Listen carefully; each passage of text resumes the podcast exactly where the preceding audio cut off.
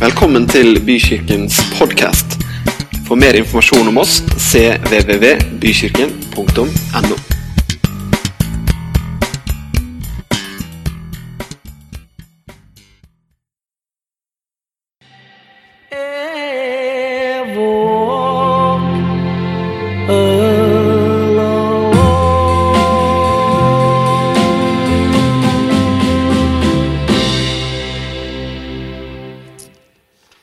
Ja, jeg la merke til at det var noen i salen som sang med.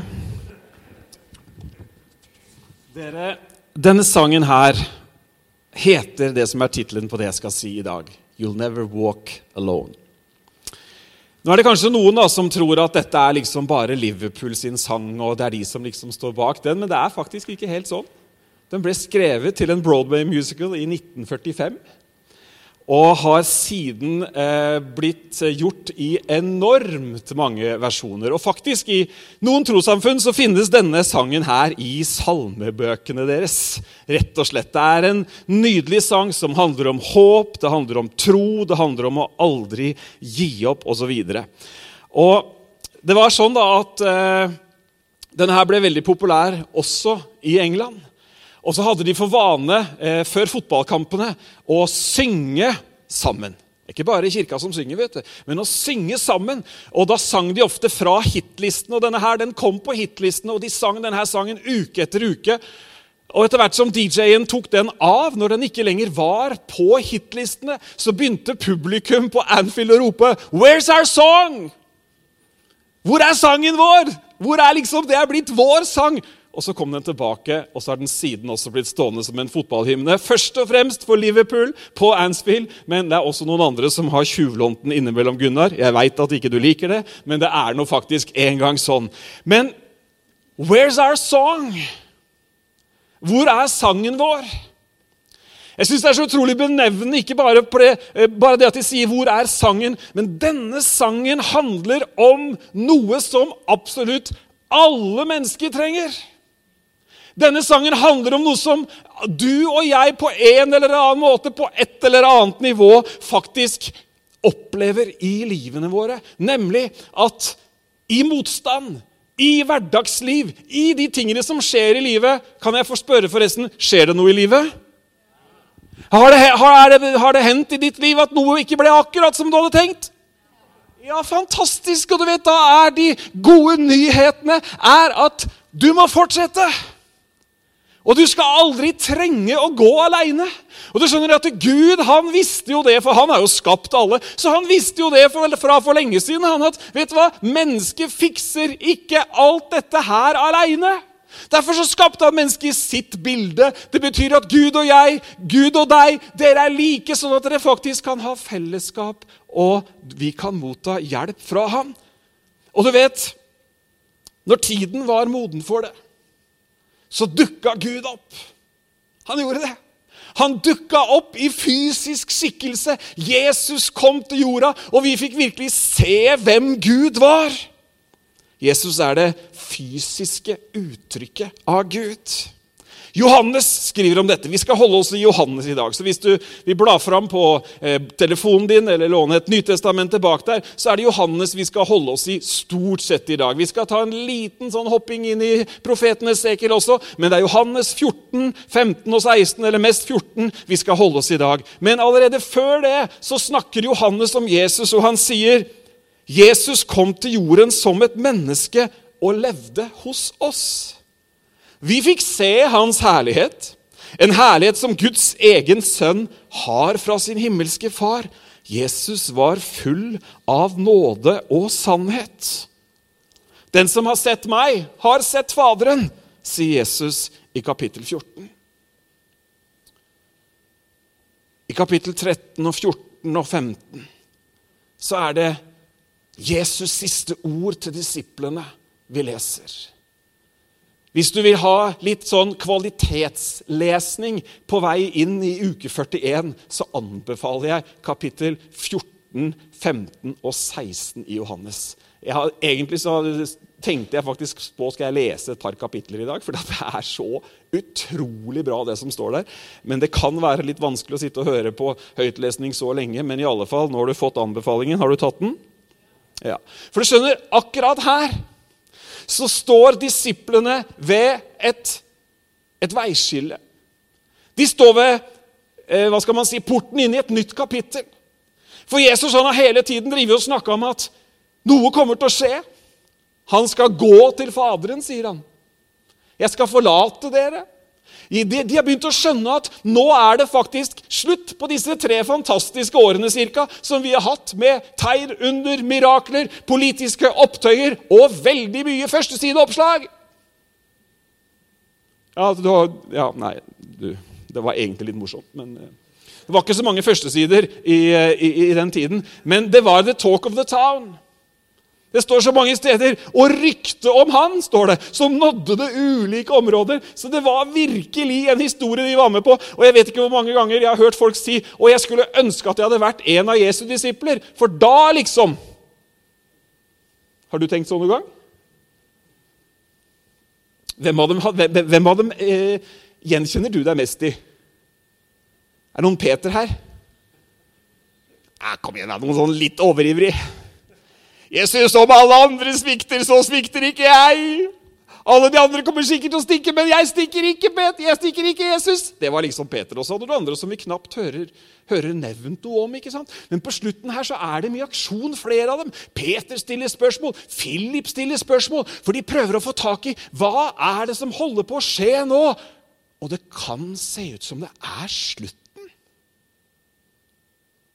Altså, Hvis noen går hjem, er det ikke over da, da?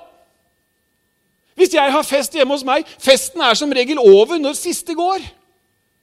Ja, Det hender jo at Julia og jeg fortsetter liksom eh, stemningen lite grann. Det skal sies.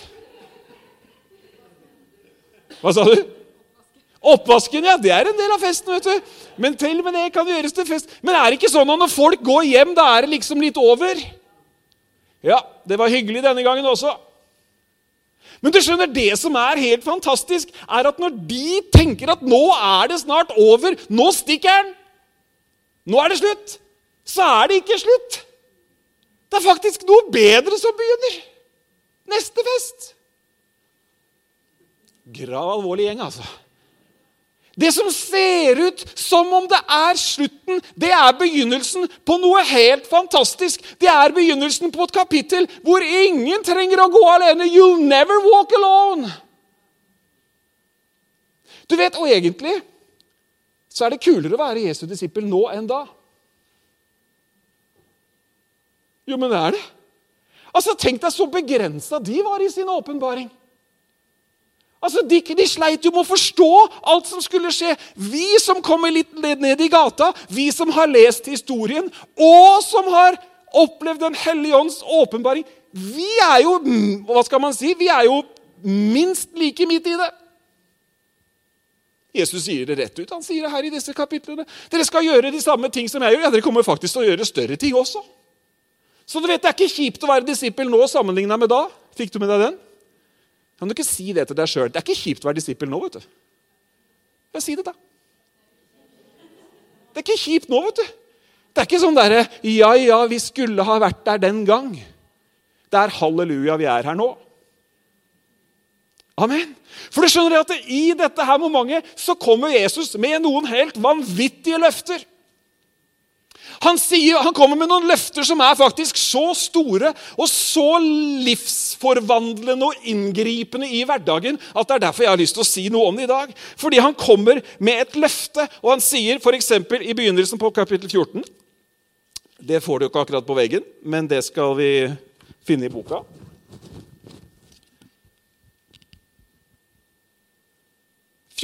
Johannes 14. Vet Jesus han fornekter ikke eh, disiplenes sinnstilstand. Er ikke det bra? Hørte du hva jeg sa? Jesus han fornekter ikke disiplenes sinnstilstand. Så sånn som du har det, det er ikke sånn at Jesus ikke vil høre om det. Er ikke det fint? Det er jeg veldig glad for. Han er like glad i meg når jeg er der, når jeg er der, midt imellom eller helt nede. Jesus fornekter ikke din sinnstilstand. Dette er god sånn populærpsykologi. Han fornekter ikke i det hele tatt. Han prøver ikke å bortforklare, prøver ikke å si 'skjerp deg', ingenting. Nei, han bare kommer med noen sannheter om seg selv som gjør at kanskje sinnstilstanden endrer seg litt. Kanskje humøret faktisk blir påvirka, for han sier, 'La ikke deres hjerter forferdes'. Nå har han snakka om at nå er jeg i ferd med å dra. Og Peter han har sagt at 'jeg vil være med', og fått beskjed om at det er ikke helt sikkert, Peter, for hanen kommer til å gale noen ganger. skjønner du, Så du ligger ikke så godt an, faktisk. Men så kommer Jesus og så sier han, 'La ikke deres hjerte forferdes. Tro på Gud og tro på meg.' Oi, der kom ankeret ned til grunnen. Der fikk sinnet ro. Det fantes faktisk et håp. Og så, skal vi, så, og så, og så sier han egentlig ganske sånn paradoks. For i samme samtale som han sier at han skal dra Få med deg det her. Så sier han at han skal komme. Hvordan er det mulig? Ja, Det går jo ikke an at du kommer og går i samme øyeblikk. Det hender at jeg glemmer så mange ting på vei eh, ut at jeg føler at jeg kommer og går veldig mange ganger i løpet av de samme tre minuttene. Noen av dere som vet hva det er? Jeg klarer å sette ting ved døra for å huske det, for så å gå forbi det når jeg går ut i bilen. Og her om dagen så måtte Jeg liksom, jeg huska det før jeg traff Smitsrudveien, så da kjørte jeg rundt kvartalet, og så var Julia snill og løp ut, så jeg rakk det jeg skulle allikevel, med det jeg hadde glemt, som sto klart. Fint? Bare Bent Ove som har det sånn. vet du. Men det morsomme her er jo at Jesus i samme samtale sier, 'Jeg forlater dere, men jeg kommer til dere'. Det går jo ikke an som menneske, men som Gud så går det an.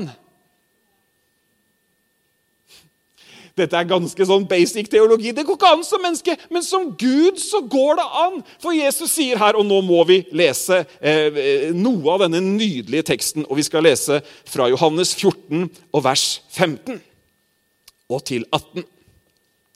Og Hvis du stusser på eh, oversettelsen, så er det Hverdagsbibelen. Hvis du fortsatt er på i og eder, så kjenner du ikke det, det igjen i dag. For å si det på en annen måte. Hvis dere elsker meg, så gjør det som er etter min vilje. Jeg skal be til Gud om at han skal sende dere Den hellige ånd for å være sammen med dere til evig tid.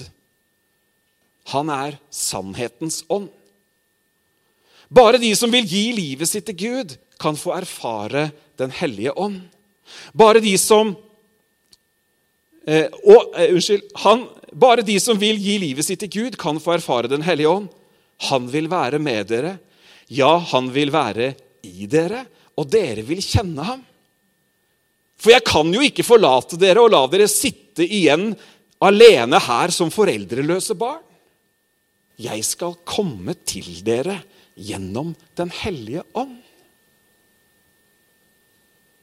Jesus er ikke fremmed for din sinnstilstand. Han er ikke fremmed for følelsen vi som mennesker kan ha. Jesus skjønner med andre ord veldig godt at hvis jeg stikker nå, så blir jo de værende tilbake som om de var foreldreløse barn. Det kan vi jo lett identifisere oss med et foreldreløst barn. Overlatt til seg selv har ingen til å ordne opp. Nei, sier Jesus, det er ikke sånn jeg har tenkt i det hele tatt. Skjønner dere nå at dette er faktisk ikke slutten, men det er begynnelsen? For jeg kommer til dere jeg kommer til dere i en annen dimensjon. Jeg kommer til dere som en annen side av Gud. Jeg kommer til dere, jeg ber Faderen Sønnen ber Faderen om å sende Den hellige ånd, og han skal være i dere. Og det er det motsatte av å være foreldreløs.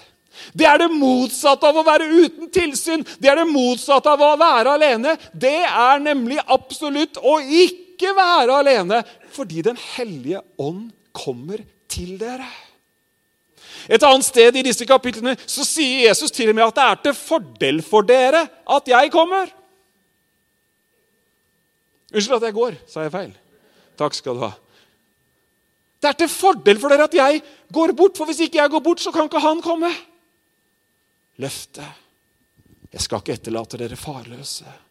Men du skjønner at det var ikke bare Jesus som hadde gitt dette løftet. Dette løftet ga også gjenklang i det israelske folket, fordi det var noen profeter mange hundre år før som også hadde snakka om noe som skulle komme. Noe som skulle komme, ikke bare som en person med en historie og, og, og noe man liksom kunne lage et bilde av, men det var noen profeter som hadde snakka om en tid som skulle komme, hvor Gud skulle være iblant folket sitt på en annen måte.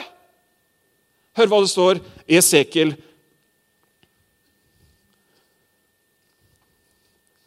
36, 26. Dette er lenge før Jesus kom, dette er lenge før disiplene så dagens lys. Så sier Gud ved profeten Esekiel.: Jeg skal gi dere et nytt hjerte og en ny ånd i deres indre. Jeg skal ta steinhjertet ut av kroppen deres og gi dere et kjøtthjerte i stedet. Jeg skal gi dere min ånd i deres indre. Jeg skal gjøre det slik at dere lever etter det som er min vilje, etter mine lover og regler for deres liv. Da skal dere bo i det landet jeg ga forfedrene deres. Dere skal være mitt folk, og jeg skal være deres Gud. You'll never walk alone. Jeg skal ikke etterlate dere farløse. Jeg skal komme til dere. Jeg skal gi dere min ånd i deres indre. Dere skal være mitt folk, og jeg skal være deres Gud. Allerede tidligere i Johannes så tar Jesus opp den samme tråden. Da underviser han også om Den hellige ånd. I Johannes kapittel 7 så sier han den, eh, Så underviser han om Den hellige ånd eh, fra vers 37. Den siste dagen som var høydepunktet under løvhyttefesten, stilte Jesus seg opp og ropte ut til folket. Hvis noen tørster, kan han komme til meg og drikke. Dere kan lese i Skriftene at den som tror på meg, ut fra hans indre skal det renne strømmer av levende vann. Dette sa han om Den hellige ånd, som skulle bli gitt til dem som trodde på han. Den hellige ånd var ikke gitt til menneskene ennå, for det kunne ikke skje før Jesus var tilbake i sin himmelske herlighet. Hmm. Et løfte om å ikke bli etterlatt alene. Et løfte om et Guds nærvær i livet. Er det ikke fantastisk? Det er helt, det er helt nydelig, rett og slett. Jeg har lyst til å vise dere noen vers, fordi at eh, noen tenker jo at Den hellige ånd ikke lenger eksisterer. Altså Det finnes kirkesamfunn i andre deler av verden som fornekter åndens gaver som fornekter åndens fylde, som fornekter at det er en kraft som mennesker i dag faktisk kan ta imot. Jeg har ikke lyst til å kommentere det noe annet enn å si at det er jo helt tragisk. Og så lurer jeg veldig på hva de sier til alle de millionene av menneskene som opplever Den hellige ånd i livene sine som en kraft til å være vitner, som en kraft til å leve. Det skjønner jeg overhodet ingenting av. Fordi at eh, jeg har opplevd at Den hellige ånd er en reell kraft i livet mitt. Jeg fortalte det her til ungdommene for noen uker siden, faktisk, men jeg husker at det var en tid i, i livet mitt når jeg var uh, ung tenåring, hvor jeg tenkte at uh, Jeg syns liksom ikke at jeg fikk til det her kristne livet i det hele tatt. Jeg. Og det var jo litt sånn merkelig, da, fordi jeg hadde vokst opp i en sånn skikkelig kristen familie. Hvis det var noen som var på gudstjeneste hver søndag, så var det oss. Og Det var ikke bare på søndag. skal jeg si det. Vi var med på veldig mye. og Det, var, det, var, jeg, det sier jeg ikke med et negativt fortegn, for jeg opplevde det som positivt alt sammen. Et fantastisk miljø.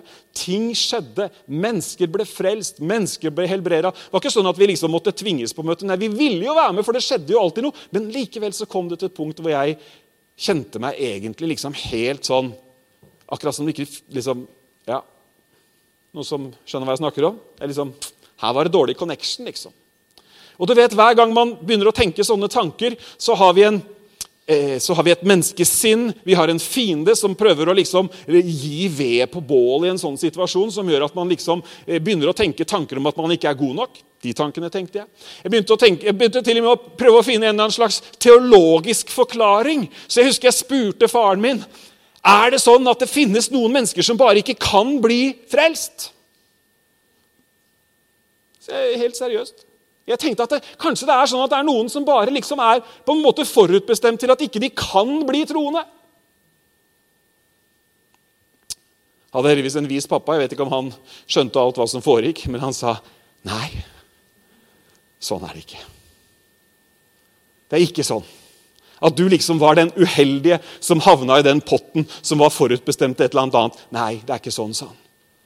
Den eneste måten du kan hva skal man si, liksom unngå Guds kjærlighet når du har vært en troende, det er hvis du fornekter Gud. Hvis du i ditt hjerte fornekter hans, han som frelser og han som herre osv., da er han ikke en som tvinger seg på deg. Og jeg var jo ikke den kategorien i det hele tatt. Absolutt ikke. Jeg ville jo egentlig, men det var bare at det var ja, det føltes litt sånn. Og så blei jeg med noen slektninger på en konferanse. Jeg var der sammen med Are, min fetter, som dere kjenner her, han som har eh, ansvaret for Life-gruppene. Og vi var litt sånn eh, fjortiser på møtet den dagen. Vi sto langt bak, henda litt sånn i lomma det, egentlig, når jeg tenker tilbake, så tror jeg det var en kjempebra konferanse. Jeg tror egentlig det var bra musikk og alt, ja, Men vi var liksom ikke bare der. Er det lov at pastoren sier det? Jeg var ikke helt der, liksom. Men det var jo noe inni der som dro på oss. Og så var det en engelskmann som prekte. Og han prekte, og jeg husker ikke hva han prekte om i det hele tatt, men det var, det var mange som møtte Gud. Det husker jeg. Det var mange som opplevde Den hellige ånd helt konkret i livene sine. Mennesker som ble bedt for, og, og, og, og noen falt til og med. Og, var, Du merka at det var et nærvær der. og så Husker ikke om det var jeg som dulta borti han, eller han som dulta borti meg, men vi sto i hvert fall litt sånn med tyggis. Skal vi gå fram, vi, eller? Nei, jeg tror ikke det. Så gikk det noen minutter til, og så gikk vi fram.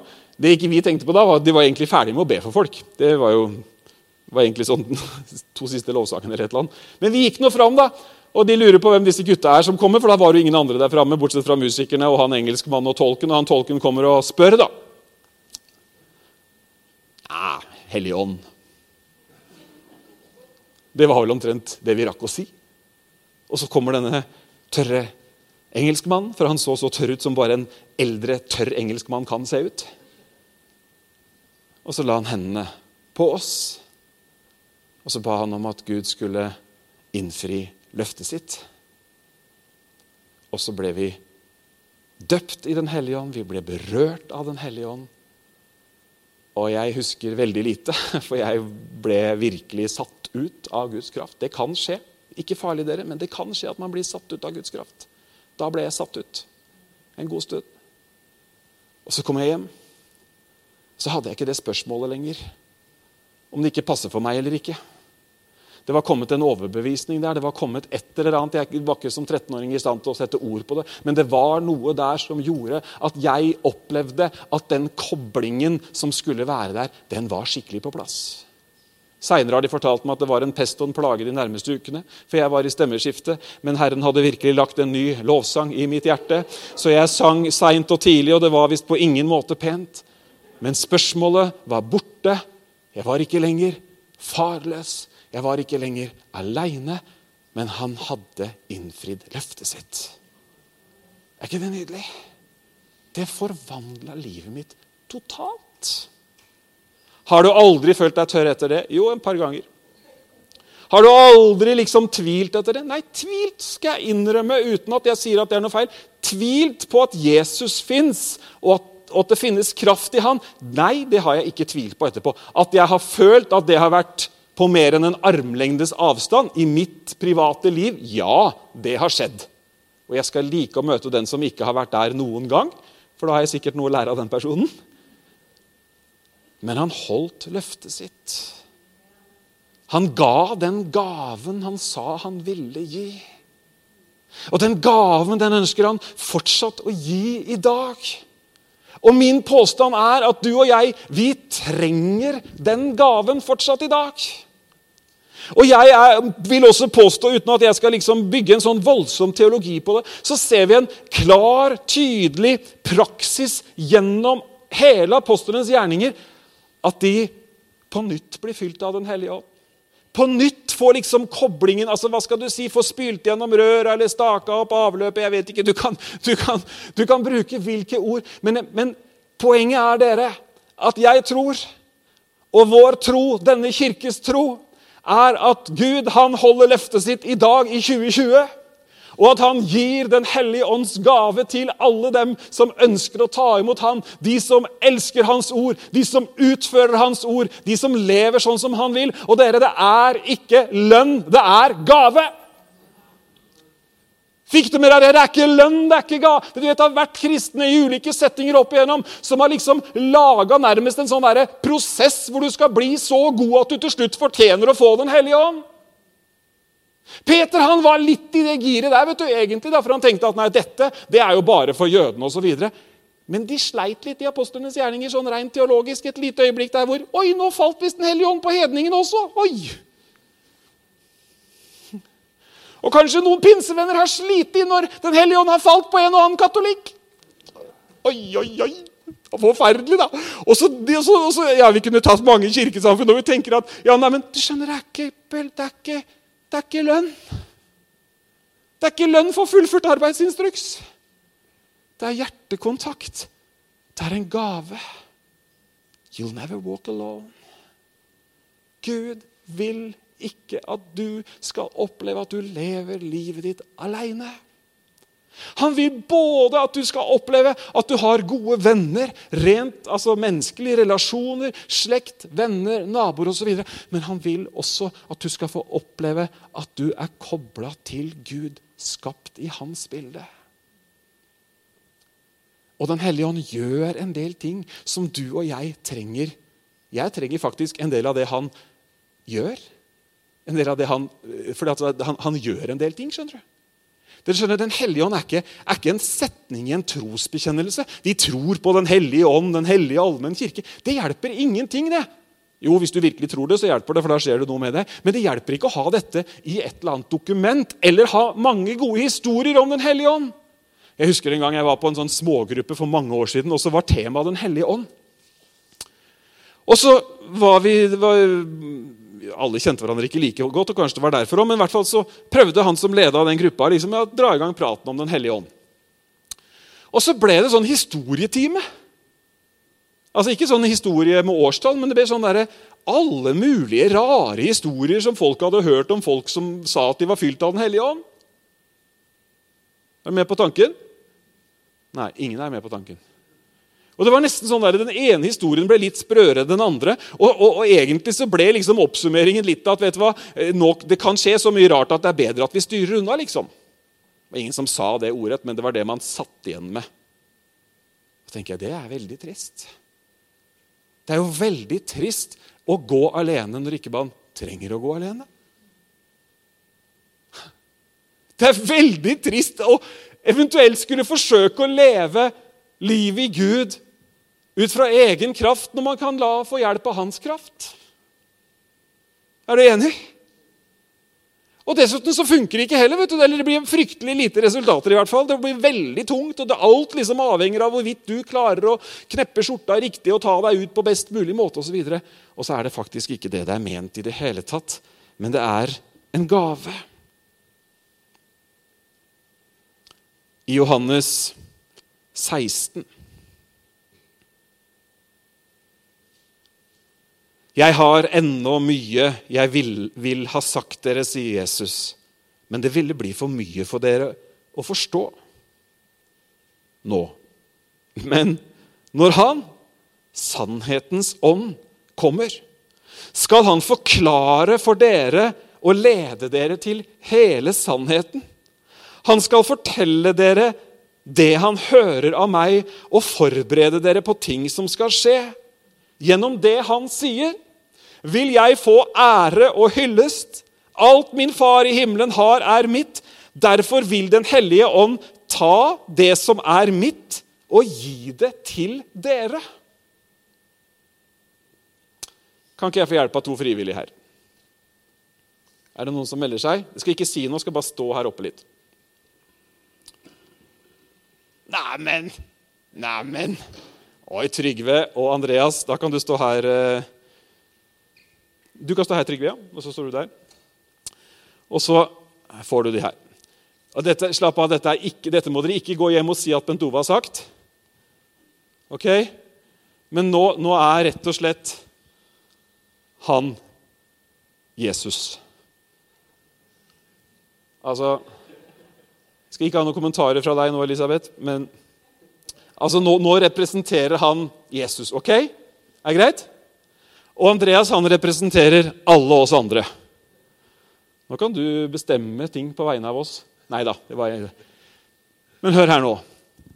Følgende spørsmål vil jeg ha svar på. Det betyr ikke at du skal tenke inni deg, men jeg vil ha noen svar fra salen. ok? Hva kunne det være at Jesus har at, at, at han har, som du og jeg har bruk for? Hva sa du? Fred. Andre ting? Visdom. Ole? Nåde. Finner vi noen av de her, her eller? Vet du hva Den hellige ånd gjør? Det er jeg som er Den hellige ånd. Det var det, det, var det jeg gleda meg til å si. Går det greit at jeg tuller bitte lite grann? Ja, ingen har reist seg og gått ennå. Men hør her hva Den hellige ånd gjør. Vi har akkurat lest det. Jesus sier at han skal ta det som jeg har, og så skal han utbetale det som lønn til dere når dere har tatt dere sammen. Nei. Når han kommer, sier Jesus, så tar han det som er mitt, og så gir han det til dere. Da må du holde den. Du må ta det imot. Hvis ikke du tar imot freden, så hjelper det ingenting. Ja, men Det er sant, det. Det var en veldig viktig illustrasjon. Det var ikke avtalt engang, men du må ta det imot. Og så er det andre ting Jesus har.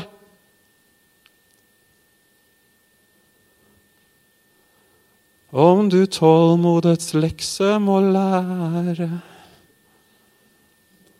Skal ikke synge mer, slapp av. Det som finnes hos Han, det kommer Den hellige ånd, og så gir Han det til oss. Hva var det jeg fikk av Den hellige ånd? Jeg fikk visshet om at jeg var hans. Kanskje noen andre trenger det òg. Jeg trengte det. Han tar Når han kommer, så skal han ta fra meg, og så skal han gi det til dere. Fullkommen glede finnes hos Jesus. Ånden gir det til oss. Amen. Sannhet. Når han kommer, sannhetens ånd blir han til og med kalt, så skal han veilede dere til hele sannheten. Kjære mitt, er ikke det et relativt begrep i 2020, da, Bent Ove? Ikke denne sannheten. Den er sannhet i bestemt form. Sannheten. Ånden gir det til oss. Ha. Jesu kraft fullendes i vår svakhet. Du skal slippe å rekke opp hånda, og jeg har begge hendene opptatt. Eller så skulle jeg rukket opp begge to. Men Jesus sa, 'Dere skal få kraft' idet Den hellige ånd kommer over dere. Så dere er mine vitner. Yes. Tro. Hm. Troen er en gave, dere. Hjelp min vantro, ba han. Ånden fyller oss med tro. Jeg husker ikke hva som er skrevet på alt her, men dette det trenger jeg noen ganger. Jeg og Philip vi har sånn favorittverskonkurranse gående. Han er på Romerne 10,9, jeg er på Romerne 15,13. Men håpets Gud skal fylle dere med overflod av håp. Amen. Den hellige ånd kommer med håp. Kommer med håp til deg, kjære venn. Styrke. Han er min styrke. Han er min styrke. Jesus er min styrke. Kjærlighet. Hm. Ånden gjør en gjerning. Ånden vitner sammen med vår ånd om at vi er barn. Elskede barn. Betydningsfulle for Gud. Dette er bra, dere. Halleluja. Vi snakka om visshet. Overbevisning kan her være noe annet. Den hellige ånd kommer og overbevist. Vi leste her at han skulle til og med fortelle oss om ting som kommer. Jeg vet hvilke tanker jeg tenker om dere, sier Herren. Ikke tanker til ulykke, men tanker til framtid og håp. Hva var det Ånden gjennom hele Bibelen ga til de trosheltene som sto i ulike kraftfulle prøvelser? De som mista sine kjære, de som var utsatt for forfølgelser. Jo, de så en framtid som var utenfor denne tiden. Amen. De så en himmel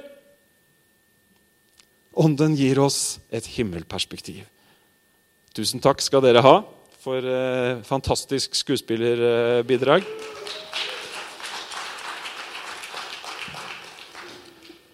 Men ånden, den tar av det som Nei, hvorfor snudde jeg den? Kan snu arka òg, jeg.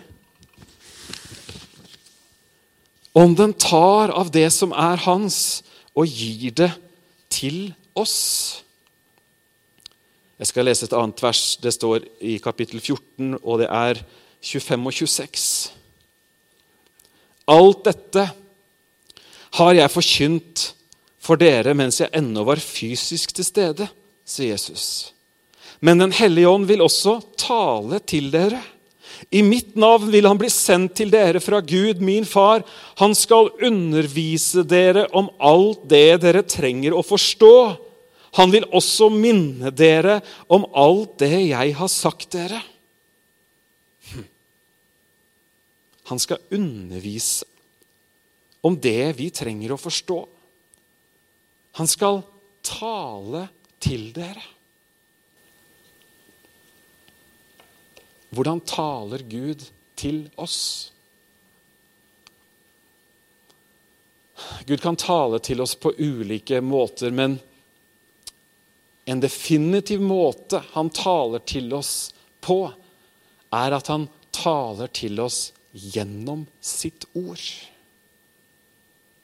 Det står at ordet, ånden, gjør ordet levende. Den hellige ånd bruker altså Guds ord som en stemme inn i livet vårt.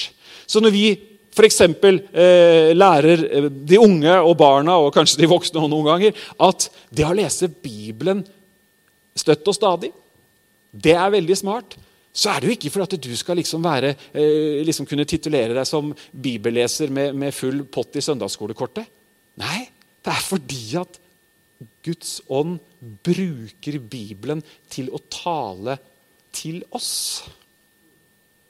Helt konkret så kan det f.eks. være Det skjedde med meg for noen uker siden. Det var en situasjon som oppsto som jeg syntes var krevende. Og umiddelbart etter at jeg hadde hørt om det, så datt det et skriftsted ned i, i hodet på meg.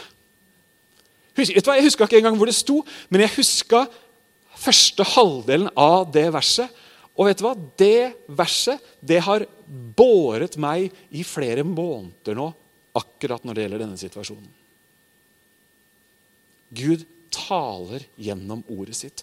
Andre ganger så er det et bibelvers eller en historie man leser, og så har man kanskje lest det før, eller man kanskje hørt det før. Ikke minst søndagsskolehistoriene. vet du. Glem søndagsskolen og les de samme historiene flere ganger og spør hva Gud vil si deg i dette. Det er ikke ment som tidsfordriv på søndagsskolen. skjønner du. Hele Skriften er innåndet av Gud.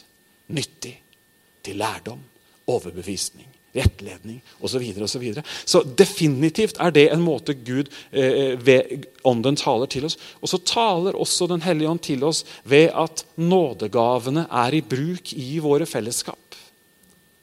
Gud taler ved sin ånd ved at Mennesker sier at de får en hilsen til deg eller deler et ord de har tenkt på. og Det trengs ikke fremføres med skjelvende stemme og, og, og, og et volum som gjør at uh, tapeten det, det, trenger ikke å være det.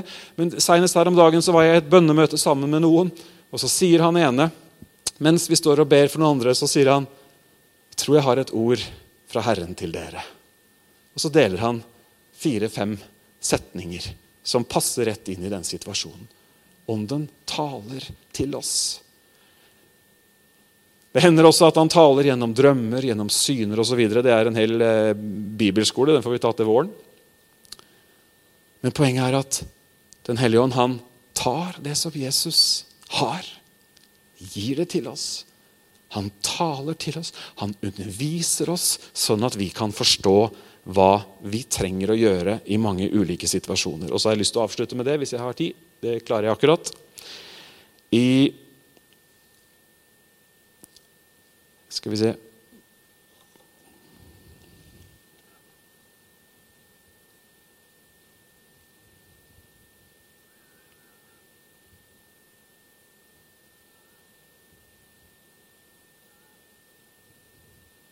I vers eh, skal vi se, 23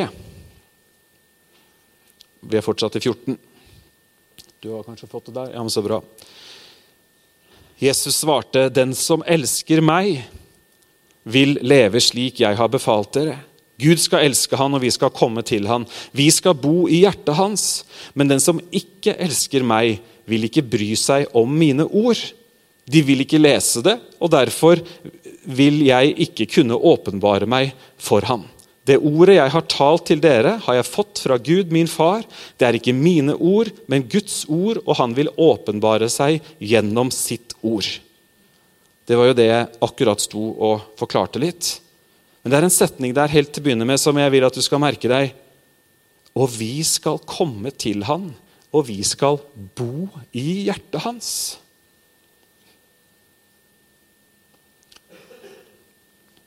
Jeg tipper at uh, de som hjelper deg mest i livet ditt, det er de som du bor i samme hus sammen med. Kan det være sånn? Sånn cirka?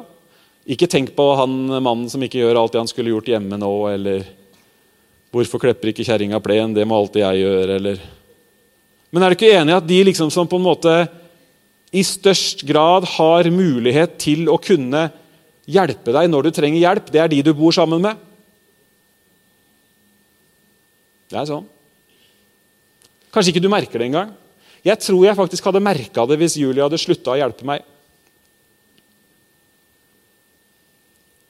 Noen som ler veldig. Ja, men det er ikke noe tvil. Da hadde det vært annerledes, ja. Uten at jeg går inn på detaljer. Men hvorfor kan hun hjelpe meg med så mye? Hvorfor kan jeg hjelpe barna mine med så mye? Og så videre? jo, fordi at vi, vi er jo faktisk der sammen for hverandre. Barna mine er ikke foreldreløse fordi at eh, mamma og pappa bor der. Åndelig talt, som troende, så er ikke vi foreldreløse fordi at han har sagt at han ikke bare skal komme på besøk på søndagsmøte, men han skal bo hos oss. Jeg sier det en gang til. Også til deg som tenker at denne teologien her var jo ikke voldsomt dyp. Da. Jo, den er mye dypere enn det du aner. Gud selv. Jeg vil bo iblant dem, leste vi fra Sekel. Jeg skal være deres Gud, og de skal være mitt folk. Gud skal elske ham, og vi skal komme til ham, og vi skal bo i hjertet hans. Bo i hjertet hans. Du, han er deg nær. You'll never walk alone. Han bor der. Han er der. Vi kan få slippe han til. Jeg vet ikke om du har fått sånn aha-opplevelse noen ganger eh, overfor den du deler hus sammen med, at plutselig så gjør de noe som du ikke ante at de kunne gjøre. Har du opplevd det? Altså, Én greie hos oss, da. Det er ikke noe greie lenger. Det har bare, bare endt opp som en kjempestor velsignelse. Men jeg ante ikke, når, eh, når vi bestemte oss, at den dama kunne lage så god mat. Nei, men det er sant. Altså, jeg, Jo, jeg hadde jo smakt på noe av det min kommende svigermor hadde lagd, og det var langt over gjennomsnittet. Men jeg ante jo ikke at hun kunne lage så god mat. Men det var liksom når jeg, når jeg Legg merke til Når jeg liksom overga plassen på kjøkkenet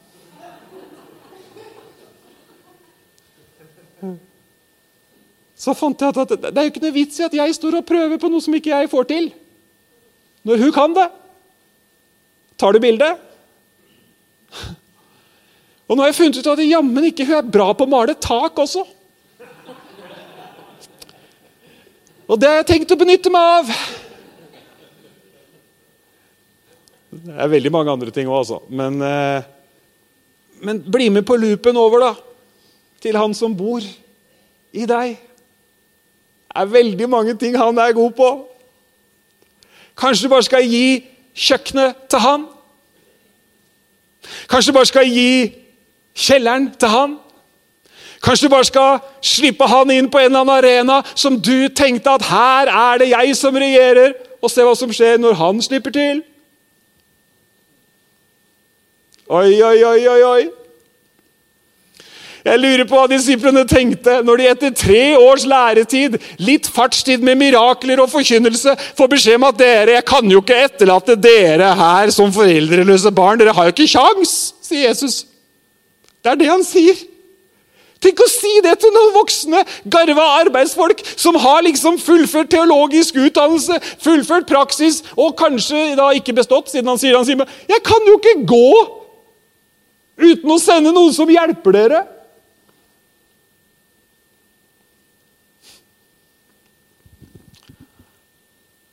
Men jeg sender en som hjelper dere.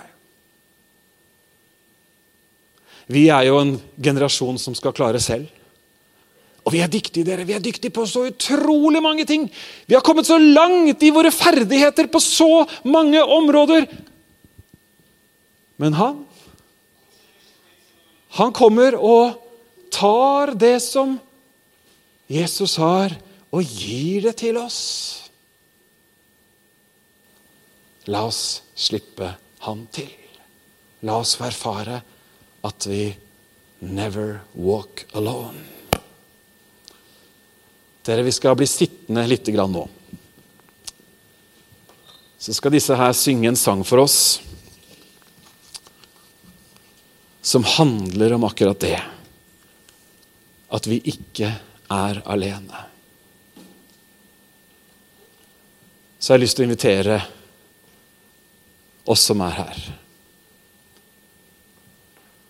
til å overlate kjøkkenet eller andre rom. Til å slippe han der som har tatt bolig, han som er der. Til å slippe han inn og la han få gjøre det som han kan gjøre.